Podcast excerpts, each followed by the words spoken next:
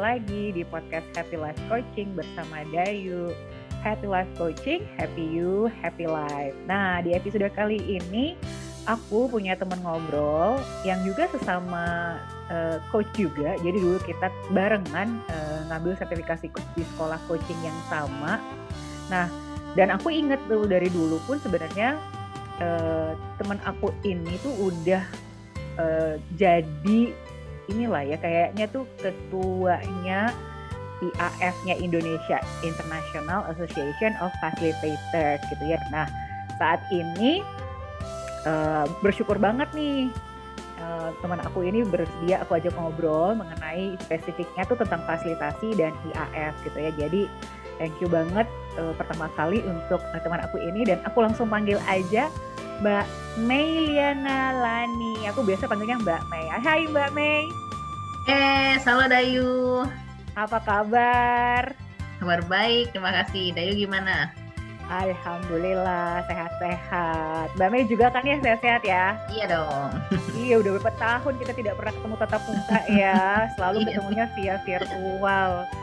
Tapi mudah-mudahan sih ini ya uh, kondisi pandemi makin membaik kali aja kita suatu hari bisa ketemu di satu event yang tetap muka yes. lagi ya Mbak Mei ya betul banget nah belakangan ini aku justru terlibat di uh, yang diadakan oleh uh, ininya uh, IAF-nya Mbak Mei jadi aku pengen tahu nih Mbak Mei aku pengen tahu deh apa yang membuat Mbak Mei itu tuh inilah maksudnya uh, total banget nih mengkampanyekan fasilitasi. Terakhir aku ikut aku ikut event yang itu ya di pas kemarin itu ya bulan Oktober yang kemarin Betul. dalam rangka uh, Facilitation Week. Facilitation ya. Week. Hmm. Mbak Mei mungkin boleh kenal, yes. memperkenalkan diri dulu nih Mbak Mei nih, gimana awalnya posisi Mbak Mei sekarang kan memang ini ya ketuanya IAF Indonesia hmm, ya, itu tuh gimana perjalanannya tuh Mbak Mei? Oke. Okay. Yes, uh, I think first of all aku juga uh, acknowledge Dayu. Terima kasih karena Dayu ini sudah teman-teman dia join di facilitation week kita menjadi facilitator utama ya. Temanya waktu itu love ourselves as uh, we love BTS. Jadi yeah, yeah, keren yeah. banget nih Dayu ya. Dan oke, okay, kalau mengenai saya uh, cerita tentang saya adalah di, saya di tahun 2014 itu saya pergi ke Singapura dan kemudian saya di sana uh, ikutan pertama kalinya IAF Conference, Asia Conference. Dan di situ juga saya mengambil sertifikasi dan akhirnya tersertified sebagai Certified Professional Facilitator. Nah, di conference itu saya benar-benar terkesima karena para assessornya itu mereka itu benar-benar knowledgeable, humble dan open banget untuk sharing. Jadi uh, saya bilangnya SOS, spirit of sharing. Spirit of sharingnya berasa banget di conference itu. Dan teman-teman perlu tahu itu conference uh, Asia gitu ya orang-orang datang para pembicara bahkan dari negara di luar Asia dan mereka datang tidak dibayar. Mereka bayar sendiri tiketnya mereka bayar sendiri hotelnya tapi mereka membagikan ilmu mereka gitu dan freely gitu. Dan, dan itu kita sangat appreciate banget. Ya bos kita kalau peserta ya kita datang kita bayar gitu ya. Tapi itu yang spirit of sharing dari teman-teman inilah gitu. Jadi saya pernah begitu melihat asesor ini saya bilang saya nanti mau jadi seperti itu kalau saya tua gitu ya. Nah dari situlah dan passion saya tentang fasilitasi itu sudah terbangun saya karena saya melihat fasilitasi itu sebenarnya mungkin ada yang apa sih itu fasilitasi gitu ya. Jadi teman-teman fasilitasi itu diambil dari kata fasil yang artinya membuat mudah. Nah seorang fasilitator tugasnya apa? Membuat mudah proses untuk satu kelompok mencapai tujuannya. Gitu ya. Nah di situlah fasilitator berperan.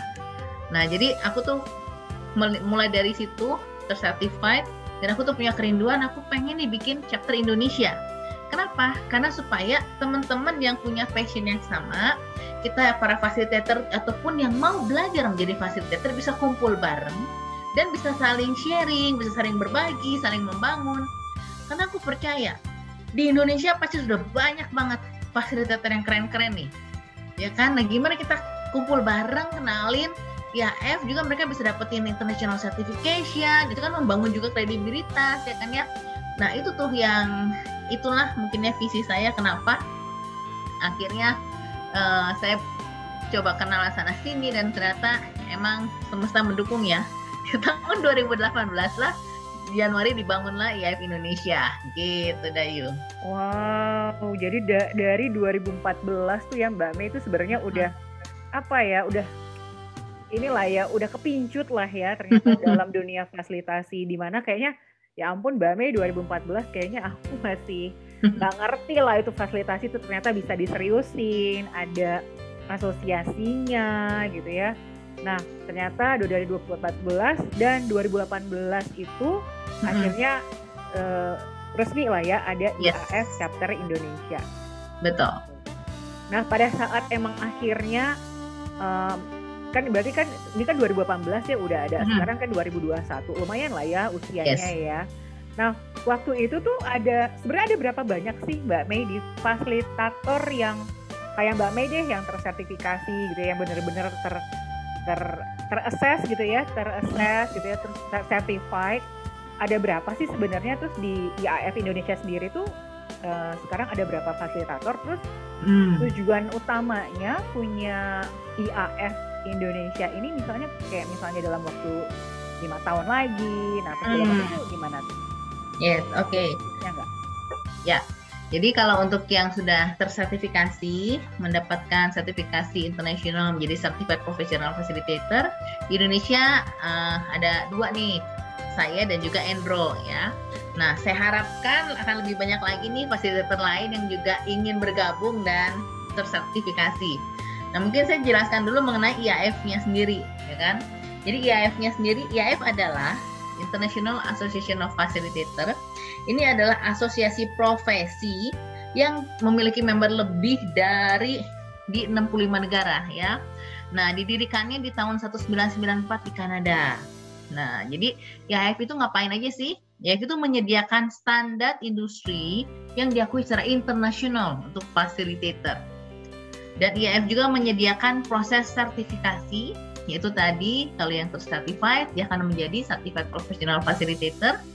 Dan akreditasi CPF ini itu diakui di secara internasional. Bahkan ada di beberapa negara itu kalau misal pemerintah ingin mencari fasilitator itu kalau punya akreditasi sebagai CPF itu plus poin banget gitu ya. Karena kan sudah artinya sudah tersertifikasi bahwa fasilitator ini memfasilitasi sesuai dengan standar internasional yang itu IAF gitu ya. Nah, kemudian IAF juga hadir untuk apa? untuk mendukung kita punya community of practice yang tadi saya bagikan. Kita visi misi ke depannya juga kita akan terus ingin bareng-bareng sama teman-teman nih yang tertarik pengen tahu apa itu fasilitasi, terutama misalnya para trainer ya kan, pengen lebih bisa mengengage pesertanya gitu ya. Bahkan para leader, karena leader juga zaman sekarang udah nggak zamannya lagi yang hanya telling-telling gitu kan nyuruh-nyuruh tapi justru harus bisa meng-create environment di mana uh, timnya itu merasa nyaman untuk berbicara, memberikan ide-ide gitu kan ya. Nah, jadi uh, proses dan skill fasilitasi itulah yang kita ingin promosikan, especially the power of facilitation. Nah, itu juga yang kita lakukan waktu itu sama Dayu ya di Facilitation Week. Di mana di satu minggu itu minggu ketiga di bulan Oktober setiap tahun kita semua mempromosikan the power of facilitation dengan mengadakan berbagai macam acara gitu kan ya. Nah, jadi satu hal lagi kalau ditanya, apa sih yang IAF lakukan? Kalau bahasa Inggrisnya itu enabling impactful change. Kita ingin memampukan terjadinya perubahan yang kuat, yang berdampak. Karena kita percaya fasilitasi jika dilakukan dengan baik, itu akan membantu orang tuh merubah cara pikirnya. Kalau orang berubah cara pikirnya, dia juga akan merubah perilakunya. Dan saat merubah perilakunya itu akan memberikan dampak yang baik untuk sekitarnya. Begitu Dayu. Wah, ternyata tuh di balik itu semua tuh memang apa ya bisa dibilang tuh ada tujuannya lah ya. Ada tujuannya kenapa ya Mbak Mei secara secara serius pun akhirnya benar-benar total gitu ya terjun ke IAF ini chapter Indonesia gitu ya. Terus benar-benar ada tujuan akhirnya gitu yang memberi apa tadi sih yang memberi dampak gitu ya memberi dampak kepada orang luar gitu ya. Nah tapi kan Mbak Mei uh, yang pengen aku gali juga adalah gini. Tapi kan kita udah misalnya gini punya kesibukan lain misalnya udah hmm. punya ini utama gitu kan. Apa yang membuat Mbak Mei mau uh, total nih uh, di sela kesibukan gitu ya tuh uh, totalitas nih mau mengkampanyekan the power of facilitation. Hmm. Ada ya seperti mungkin tadi Mbak Mei juga sempat bilang ya, cuman aku apa ya? Kenapa apa nih? Siapa tahu orang jadinya makin ini kali ya, makin yang hmm. oh fasilitasi itu memang karena bisa membuat orang bisa berdampak untuk orang gitu ya. Terus yes.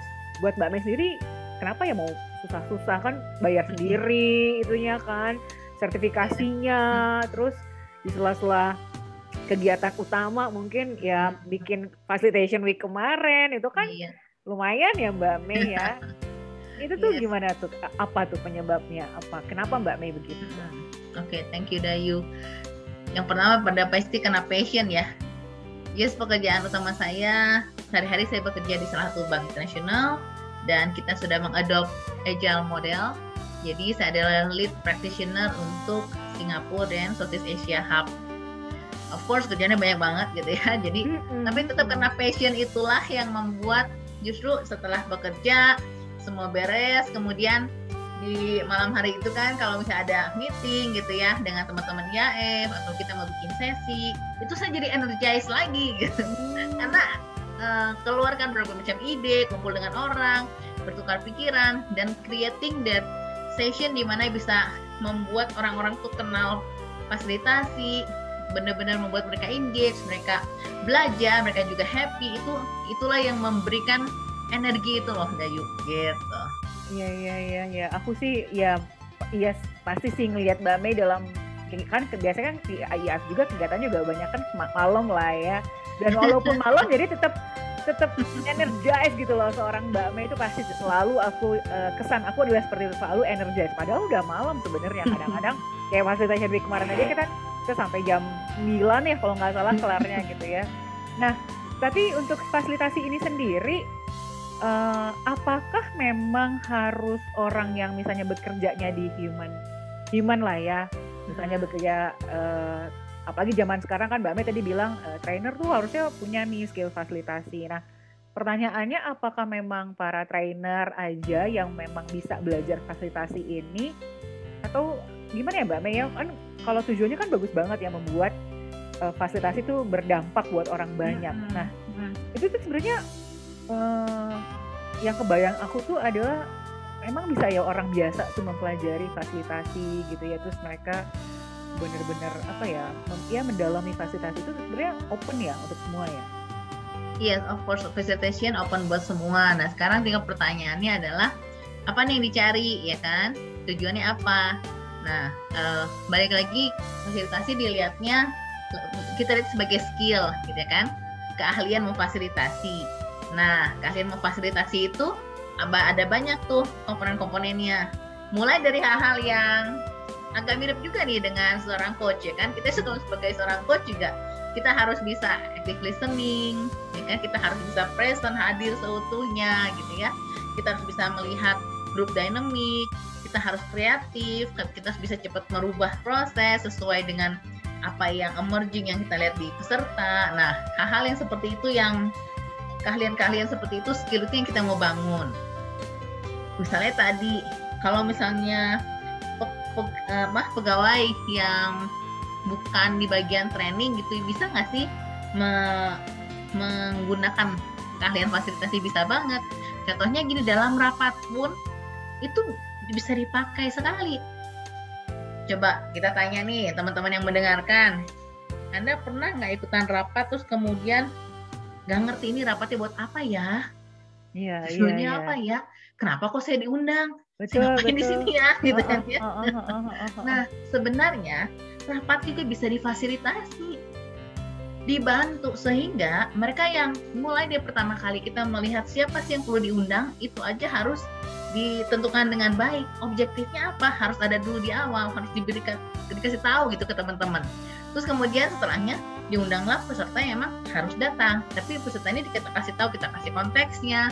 Kalau perlu ada pre-worknya untuk dibaca dulu gitu ya. Dan sehingga saat mereka hadir mereka tahu kenapa mereka ada di situ. Dan dan mereka pun termotivasi ingin ada di situ gitu karena mereka tahu objektifnya apa. Nah hal-hal yang yang sangat simpel seperti itu itu digunakan tuh kemampuan memfasilitasi. Hmm. gitu Dayu. Iya ya, berarti memang sebenarnya sadar nggak sadar pun fasilitasi itu tuh sudah deket dengan kehidupan kita sehari-hari ya, ya terutama orang-orang yang ya berkomunikasi misalnya di kantor ataupun nggak mesti orang kantoran lah ya, maksudnya orang-orang yang berhubungan dengan orang banyak pasti sadar nggak sadar melakukan proses fasilitasi kali ya Mbak Mei ya, benar ya? Iya, di fasilitasi itu kan kita membantu sekelompok orang mencapai tujuannya. Dan ini tidak hanya dipakai di di bidang istilahnya di bidang uh, uh, profesional gitu ya di kantor gitu kan banyak juga teman-teman kita loh memudahkan itu di community development hmm. Gitu. Jadi banyak hal yang bisa dilakukan dengan fasilitasi. Hmm, oke. Okay. tapi uh, ini out of curiosity lah ya Mbak Mei. Kalau memang misalnya orang udah punya sertifikasi atau punya skill uh, fasilitasi itu uh, kalau misalnya depannya itu sebenarnya apakah memang bisa dijadikan salah satu uh, apa ya pilihan profesi kah apa gimana hmm. itu tuh kayak gitu tuh mungkin gak sih kalau saat ini tuh? Yes dan dan bisa banget dan itu udah terjadi gitu. Ah. karena sekarang ini kalau dilihat banyak banget teman-teman kita yang udah berprofesi sebagai facilitator. Baik itu dalam company in-house facilitator atau facilitator yang independen gitu ya ada yang membantu di teman-teman NGO, ada yang tetap masuk ke community development gitu ya, ada juga yang membantu di perusahaan. Jadi dan it takes skill dan mereka pun ya willing to pay gitu kan. Hmm, project-project besar gitu itu itu ada banget dan bisa banget jadi profesi. Oh, I see. Oh, aku mungkin baru ya baru belakangan ini sih Mbak Mei memang nyadar oh ternyata bisa sama seperti coach gitu ya berarti memang bisa jadi profesi juga ya misalnya uh, kamu siapa? I'm a coach gitu ya berarti misalnya bisa juga I'm a facilitator gitu ya. Yes betul dan ya IF itu kan sangat terkoneksi kita kan internasional ya jadi di berbagai negara itu sering kali orang yang dapat project di negara lain misalnya ada anak perusahaan di Indonesia dan mereka mencari fasilitas bisa berbasis Indonesia ya jadinya koneksinya kan ter terkoneksi ya oh oke okay, ada nih gitu kan. Nah kita hmm. kasih referensi kayak gitu dan hmm, itu pun mungkin salah satu kenapa saya pengen IAF ini semakin besar ya karena ya supaya membantu juga teman-teman fasilitator di sini ya kan? Karena hmm. koneksinya sampai ke di internasional gitu. Berbagilah berbagi banyak hal berbagi project berbagi knowledge gitu dari oke. Okay. iya sih mudah-mudahan uh kayaknya ini ya harapannya sih oke okay banget ya Mbak Mei ya karena makin banyak orang yang terfasilitasi punya skill fasilitasi maka dampaknya pun pasti ke sekitar juga pastinya oke okay ya Mbak Mei ya. Nah uh, lalu nih nih aku sering nanya ini mau nggak mau memang karena kita ketemunya di zaman pandemi gitu ya. Uh, pandemi udah memang udah membaik ya. Semoga sih terus membaik nih Mbak Mei. Yes. Tapi dunia fasilitasi tuh sendiri berubah nggak sih pada saat pandemi 2020 lalu lah ya di saat semua orang tuh diminta di rumah di Indonesia sendiri pun gitu kan kita semi semi lockdown lah ya saat itu di mana oh pokoknya di rumah gitu. Padahal kan fasilitasi kan perlu koneksi human lah ya sama kayak training gitu ya perlu koneksi yes. ketemu langsung. Nah apa perubahannya tuh Mbak Mei yang paling berasa banget deh? Wah itu kalau kita berkaca sendiri ke IAF ya di tahun 2000, 2020 saat pertama kali pandemi itu justru kita jadi sangat produktif loh. Oh. minggu tiap hari Jumat itu kita bikin sesi namanya IAF Indonesia di dialog gue, dialog gue ya dialog gitu ya. Jadi kalau nggak nggak berasa loh itu benar-benar luar biasa, uh, hampir tiap hari Jumat ya. Kemudian itu mulai itu di bulan April deh kalau nggak salah. Jadi kita at the end tuh kita punya hampir uh, 20-an sesi ya dialog. Kemudian ada learning session juga, ada engagement juga, itu ada empat sesi. Kemudian kita juga justru berkolaborasi, dapat banyak kesempatan berkolaborasi. Jadi sampai ada tujuh kolaborasi waktu itu sempat dengan uh, Directorate General of Waste Management di Indonesia, United in Diversity and National Defense Agency, juga dengan Rumah Milenial Terang Jakarta and Limitless kemudian Erudio Indonesia, Gemala Ananda itu mengenai pendidikan, kemudian gak lupa gerakan pakai masker, itu sampai dua kali kita bantu teman-teman uh, di GPM gerakan pakai ma pakai masker, dan terakhir dengan konveri. Jadi kalau kita lihat tergantung cara kita memandang ya kan? Makanya mindset, mindset tadi kan yang pertama mindsetnya dulu nih. Justru kita melihat wah justru pada saat ini orang butuh ada waktu untuk belajar. Jadi kita kita lakukan banyak hal eh ternyata bener loh seru banget. Di nanti nanti katanya sesi kita gitu ya. Begitu. Nah itu dari sisi yang kita lakukan. Tapi tadi pertanyaan Dayu adalah apa sih dampaknya dengan work from home dengan harus jadi virtual? Itu pasti sangat berdampak karena biasanya kita face to face ya kan? Kita sudah nyaman dengan semua yang ada yang kita lakukan. Nah dengan adanya pandemik ini kita harus adjust. Nah di situ kalau saya melihatnya wah kesempatan nih saya jadi belajar. Belajar menggunakan digital collaboration tool ya kan? Belajar gimana caranya memfasilitasi secara virtual gitu. Jadi ini dulu banyak ilmu lagi yang didapat gitu Gayu ternyata ini ya ibarat kata tuh ya nggak nut nggak nutup kemungkinan malahan malah makin berkembang ya dunia fasilitasi di zaman yes. di era pandemi ya Mbak Mei ya bener ya? Betul Orang banget dan kalau dari saya di sisi kalau saya di kantor saya mengajar uh, memfasilitasi itu kan untuk leadership itu dari berbagai negara sekarang. Iya, Karena iya. dulu kan sayangnya diterbangkan gitu ke Vietnam, ke Singapura. Ini justru saya tetap di sini tapi dari berbagai negara justru jadi semakin kaya banget diskusinya. Karena dari mereka bawa konteks mereka, culture mereka. Dan itu luar biasa sih. Iya, iya, iya. Iya, itu ya mungkin ya itu kan biasanya orang sering bilang gitu kan ya bicara mengenai pandemi ya ya ada plusnya ada minusnya gitu ya. Minusnya iya mungkin kita nggak ketemu tatap mukanya tapi minusnya hmm. eh, plusnya ternyata di balik itu wah luar biasa banget ya Mbak Mei ya ternyata ya. Banyak gak, banget ya. nggak menutup kemungkinan malahan ya itu dari Mbak Mei bilang lebih produktif malahan ya secara dunia fasilitasinya ya. Nah uh, ya orang-orang udah jadi IAF member gitu ya atau emang udah jadi certified profesional eh CPF lah ya ya yeah. certified CPF gitu ya. Hmm, yang di ujung tuh sebenarnya yang di dicari apanya ya? Apa sih apa apa apa sih didapat dengan mengkampanyekan fasilitasi itu tuh Mbak Mei? Membantu orang banyak ya, membantu supaya orang-orang juga bisa membantu teman-temannya yang lain gitu. Kan memfasilkan fasilitasi kan ya tadi dari kata fasil itu membuat mudah bayangkan di kalau banyak teman-teman yang bergerak di di bidang pemerintahan juga kan ya kalau setiap meeting-meetingnya difasilitasi orang-orang tahu gimana cara melakukan fasilitasi rapatnya kan sangat-sangat efektif betul kan ya hmm. kemudian pengambilan keputusan kemudian gimana caranya melibatkan dan mendengarkan suara semua orang Nah itu tuh, itu itu yang itu yang didapat ya. Facilitation, yes. Apalagi kalau di bisa masuk ke berbagai macam bidang nih gitu. Itu kan sangat powerful. So Nah, pada akhirnya kita bisa buat Indonesia semakin baik lagi gitu kan, terus semakin jadi semakin baik lagi gitu.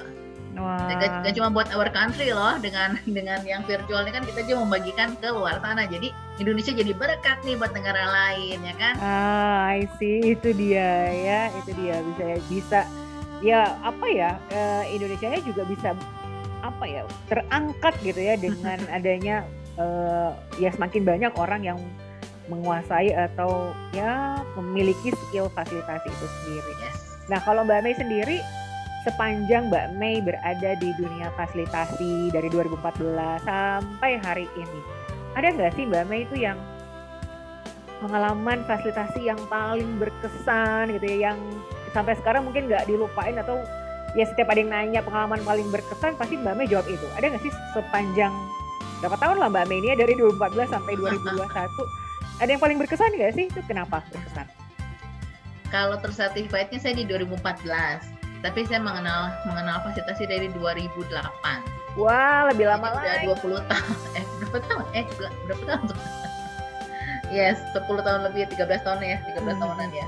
Jadi kalau ditanya apa sih paling berkesan ya, ya semuanya juga berkesan ya. Tapi yang pasti yang buat aha momen kali ya. Hmm. Aha momen buat saya ya waktu itu, waktu saya dapetin sertifikasi saya. Jadi itu saat itu di prosesnya itu kita datang ke di hari H gitu kan ya. Waktu itu kebetulan di Singapura. Terus kemudian kita ada interview dengan asesornya. Kemudian setelahnya kita harus benar-benar memfasilitasi satu sesi gitu ya masing-masing selama 50 menit kalau nggak salah terus teman-teman yang lain akan menjadi peserta setelah itu di akhir hari kita akan kembali di interview dan kita langsung kasih tahu hasilnya. Apakah kamu tersertified apakah atau kamu defer? Defer itu ditunda. Jadi nggak ada kata gagal ya. Di sini adanya ditunda ya kan? Artinya bisa mengambil kesempatan lain. Itu benar-benar saya deg-degan banget gitu ya. Karena sampai akhirnya nggak tahu. Tapi setelahnya terus kemudian pada terakhir dibilang e, ya kamu you, you got your certification itu benar-benar tenang banget karena dan mengucap syukur banget dan di satu sisi gini kalau orang nanya Mei gimana sih rasanya jadi uh, begitu udah dapat CPF gitu ya. Saya bilang ini saya justru semakin sadar saya tuh nggak tahu apa-apa. Hmm. karena waktu proses sertifikasi itu kita ketemu banyak orang para peserta lain mereka tuh beragam banget kan. Dan jadi membuka wawasan kita ya ampun ternyata fasilitas itu luas banget. Kita tuh cuma kecil banget gitu. Dan berarti artinya apakah menjadi CPF itu udah luar biasa ya luar biasa udah achievement maksudnya. Tapi tetap masih banyak di luar sana yang lebih bisa banyak lagi yang kita bisa belajar gitu loh. Kita bisa lakukan kita bisa explore. Nah itu tuh itu kali yang sangat berkesan ya. Artinya mengetahui bahwa membuka wawasan wih fasilitas itu luas sekali. Nggak akan bisa di diselamin semuanya. Dan butuh banyak banget orang makanya yuk pengen banget nih mengajak teman-teman yang lain juga yuk mulai ikutan yuk gitu belajar tentang fasilitasi supaya bisa bisa membawa juga perubahan yang positif di lingkungannya. Hmm. Oke, okay. nah ini kalau IAF Indonesia sendiri itu terbuka buat siapa aja ya Mbak Mei mungkin bisa kasih yes. tahu deh kalau memang mau belajar fasilitasi atau kalau memang apa sih langkah awalnya kalau memang ada orang atau teman-teman nih podcast teman-teman podcast yang dengerin gitu ya. Memulai belajarnya ke mana atau ada komunitasnya apa gitu gimana? Kasih tau dong coba mbak Mei. Boleh banget. Yang pertama mungkin lebih paling gampang tuh connect sama kita ya. Kita ada di LinkedIn YF Indonesia official. Kemudian kita ada di Instagram. Digabung semua YF Indonesia gitu ya. Di Facebook juga kita ada YF Indonesia dan teman-teman jangan lupa bisa cari di YouTube IAF Indonesia. Di situ kita record tuh yang sesi-sesi di 2020 itu. Hmm. Jadi teman-teman bisa belajar dari sana dan bisa subscribe dan bisa follow kita. Bahkan nanti yang terakhir yang kita punya facilitation week sesi ya kan. Kita juga akan posting nanti di situ. Jadi teman-teman gak akan ketinggalan dan tetap pasti bisa belajar. Dan itu semua for free. Kita semua open buat semua dan nanti teman-teman yang kemudian setelah melihat eh saya penasaran sih benar-benar pengen tahu nih gitu ya tentang IAF dan bahkan mungkin mau jadi member. Kalau member uh, ya pasti ada iurannya gitu ya. Untuk Indonesia kita termasuk negara berkembang jadi iurannya tuh uh, 100 dolar untuk satu tahun. Nah kalau mau tahu lebih lanjut untuk mengenai jadi member kemudian ya itu seperti apa teman-teman bisa ke www.iaf dash ya garis tengah world dunia titik org jadi www.iaf-world.org nanti di situ teman-teman bisa baca websitenya udah bagus sekali udah banyak tentang teman-teman bisa tahu tentang kita, kemudian kita punya visi misi, ya, kemudian kita punya code of ethic, core kompetensi. Kalau jadi member juga bisa lihat benefitnya apa. Salah satu benefitnya teman-teman udah pasti connection ya network global network itu. Yang kedua teman-teman juga bisa masuk ke dalam kita punya uh, galeri gitu ya. Di situ teman-teman punya metode library-nya banyak banget. Teman-teman bisa dapetin berbagai macam metode fasilitasi. Ada juga recording recording yang ada di situ gitu ya. So dan nggak lupa kesempatan untuk anda jadi co-facilitator di sesi-sesi IF Indonesia ya kan dan network di antara kita sendiri gitu deh. Oke tuh ya teman-teman atau buat uh, yang dengerin podcast ini barangkali emang pengen tahu tertarik bahwa wah kita bisa berdampak buat orang banyak gitu ya salah satunya dengan menjadi fasilitator bisa tuh ya Mbak Mei ya join ke yes. IAF Indonesia.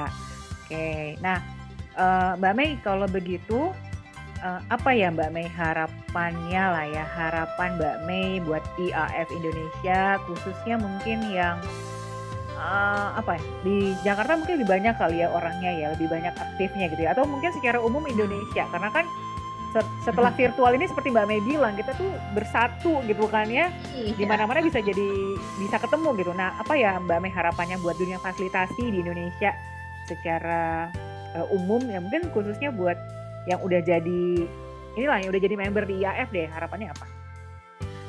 Ya harapannya adalah agar teman-teman semua yang juga bisa terlibat dalam fasilitasi, bisa tahu apa itu fasilitasi dan bahkan memiliki skill untuk memfasilitasi sehingga bisa membantu lingkungannya, bisa membantu organisasinya menjadi lebih efektif lagi, lebih efisien lagi dan juga sehingga bersama-sama nih kita bisa bangun nih negara kita jadi negara yang lebih baik lagi.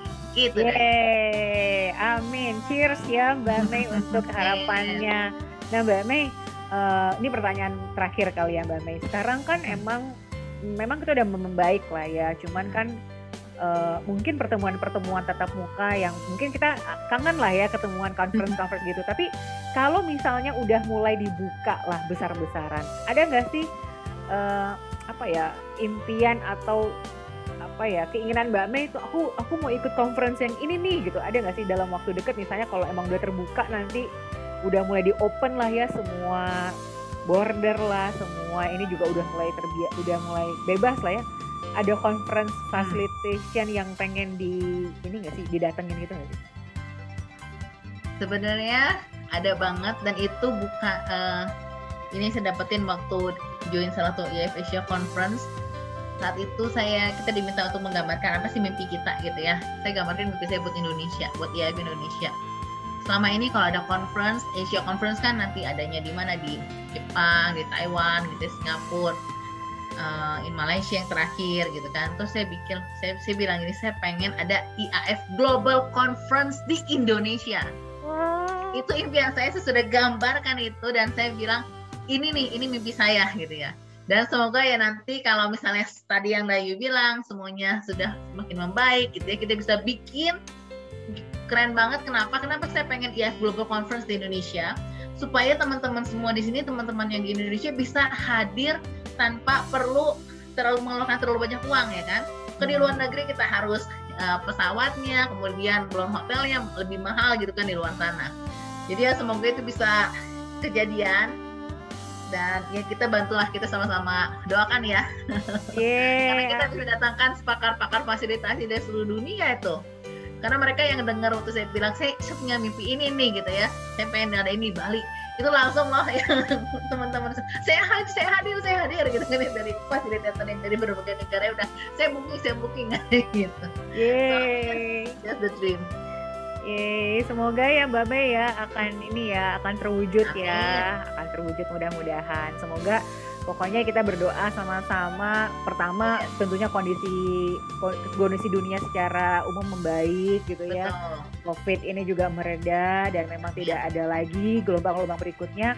Sehingga kita juga bisa mulai lah ya mulai uh, mengusahakan gimana nih supaya terwujud nih segala yang kita inginkan. Bang Mei semoga tercapai ya yes, yang terima kasih Dayu yang juga bisa terwujud. Thank you banget Mbak Mei waktunya udah mau diajak ngobrol mengenai uh, sisi lain dari seorang Mbak Mei yang punya kegiatan utama apa tapi benar-benar totalitas banget nih mengkampanyekan the power of facilitation. Thank you lagi Mbak Mei. Ya, sama-sama Dayu. Terima kasih juga diundang di sini. Sukses buat semua ya, teman-teman yang mendengarkan juga. Yeah, thank you. Thank you Dayu.